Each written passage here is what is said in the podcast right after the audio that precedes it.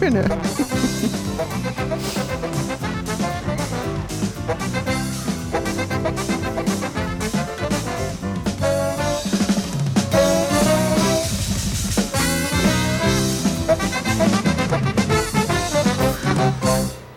Goedenavond, dames en heren. Welkom bij Cake op de Week.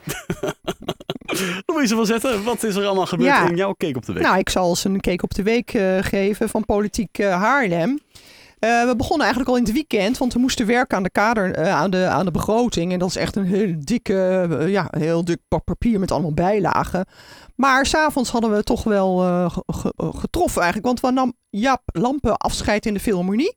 Jaap Lamp is eh, 15 jaar directeur geweest, natuurlijk van de Philharmonie, maar ook van de Schouwburg. En dat was wel heel erg leuk om erbij te zijn. En je ontmoet dan allemaal mensen die je van vroeger kent. En nou ja, dat is gewoon echt goed net, netwerken. mensen. eh, Ja, maar ook eh, oude vrienden die ik een tijd niet had gezien. En mensen die op je gestemd hebben. En dan ja, er is toch weer een warm gevoel dat, eh, dat je toch een soort erkenning krijgt voor wat je hebt gedaan. Dus ik raad altijd iedereen aan om naar zo'n bijeenkomst te gaan. Want ja, dat, dat, zoveel mensen in een uur zie je normaal natuurlijk niet. Ehm, ja, de begroting, daar hebben we ons natuurlijk op moeten voorbereiden. En maandagavond was het zover. Ehm, toen was de behandeling. De eerste termijn van de, van de raad. Die mogen een commentaar geven op de, op, op, de cijfers en de plannen van het college. En vervolgens antwoordde het college. Nou, ik zou je wel zeggen dat het toch wel een verrassing was wat wij, eh, wat wij aantroffen in deze begroting. Want het blijkt al dat, eh, dat er toch behoorlijk eh, bezuinigd moet worden de komende jaren. En voorlopig loopt het al op tot eh 10 miljoen. En dat is natuurlijk helemaal niet leuk. Niet voor het college, niet voor de coalitie die allemaal afspraken hebben gemaakt. Want eh, de beloftes die zijn gedaan, die worden natuurlijk wel gebroken. We krijgen gewoon meer lastenverhoging eh, voor onze Haarlemmers. De belastingen gaan omhoog, de parkeerlasten gaan omhoog. Dat is natuurlijk allemaal geen leuk nieuws, maar we gaan ook bezuinigen op dingen die mensen gewoon belangrijk vinden. En het schrijnende was eigenlijk, wat mij betreft, eh, dat dakloze gezinnen, ja, als ze, als ze een onderdak krijgen, dan moeten ze een bijdrage betalen en dat werd verhoogd. Eh, ja, dat is natuurlijk een heel vervelend, ja, heel akelig als dat jou overkomt. En ook eh, verrassend natuurlijk dat we in dat soort posten de bezuinigingen moeten gaan zoeken. Maar er- is, ik, ik hoorde dan hè, van de week, eh, ik even de, de bron niet meer, dat, dat, dat er eigenlijk nog wel ergens een spaarpot zit. En Nou, dat het die eigenlijk voor, voor, voor later wordt bewaard. Nou, de spaarpot, dat is echt minimaal. Kijk, die spaarpot, er is natuurlijk altijd een soort reserve. Maar dat is niet eh, een baar geld dat in een kas ligt eh, en je trekt die kas nee, het is open. geen varkentje die Nee, nee, maar je moet, slaan, eh, nee. je moet natuurlijk ook leningen, weer geld lenen om, eh, om, om zaken te kunnen doen. En dan moet je ook weer rente betalen. Nu is die rente op dit moment natuurlijk wel heel erg laag. Geld is heel goedkoop.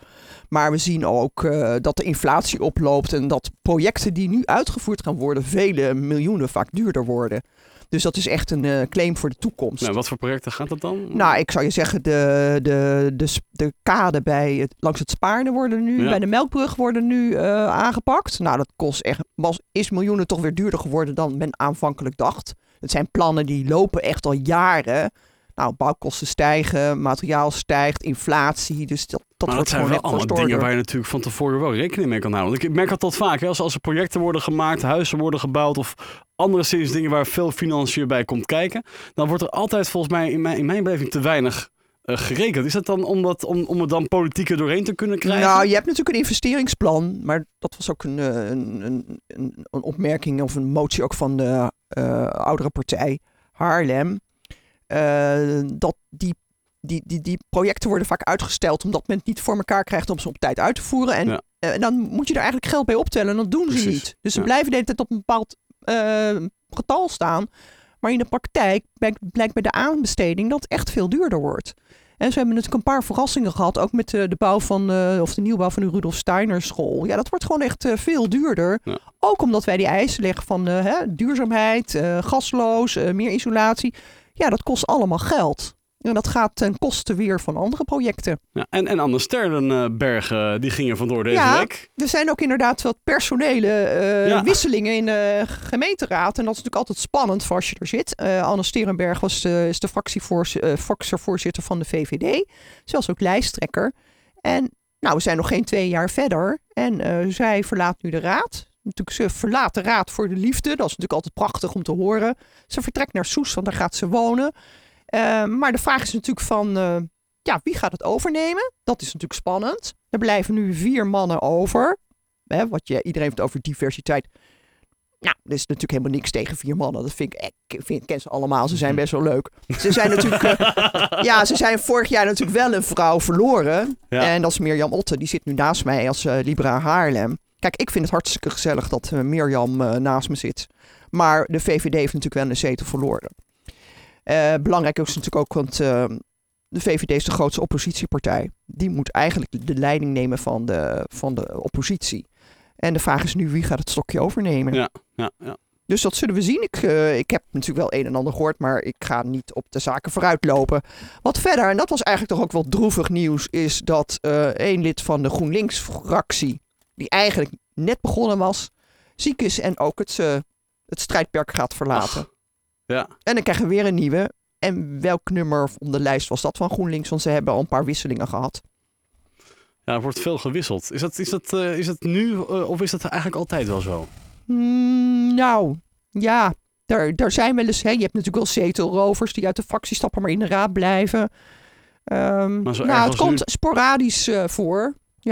Is dat, eh, is dat lastig voor, eh, voor, eh, voor besluitvorming en dergelijke? Nou, je ziet natuurlijk bij zo'n grote partij nu als GroenLinks... die natuurlijk eigenlijk negen zetels heeft gekregen... dat die lijsten zijn meestal... Ja, dan kom je natuurlijk toch wel aan bij nummer 12, 13 op de lijst. En ja, die staan niet voor niks zo, Zo laag, lager op de lijst. Ja. Meer En dan is-. Nou, het is maar de vraag. Kijk, het belang, de sterkte van de raad toont zich ook in, het, in, de, in, in, in in de raadsleden die er zitten. En eh, dat mensen moeten ook meedoen en ook wel wat eh, van wanten weten, lijkt mij. Dames en heren, de cake op de week. Dankjewel, Louise van Zetten. Het Haarlem 105 op 89, 9 Zometeen Ariane en het antwoord hoe je het gedrag van een hond kan veranderen.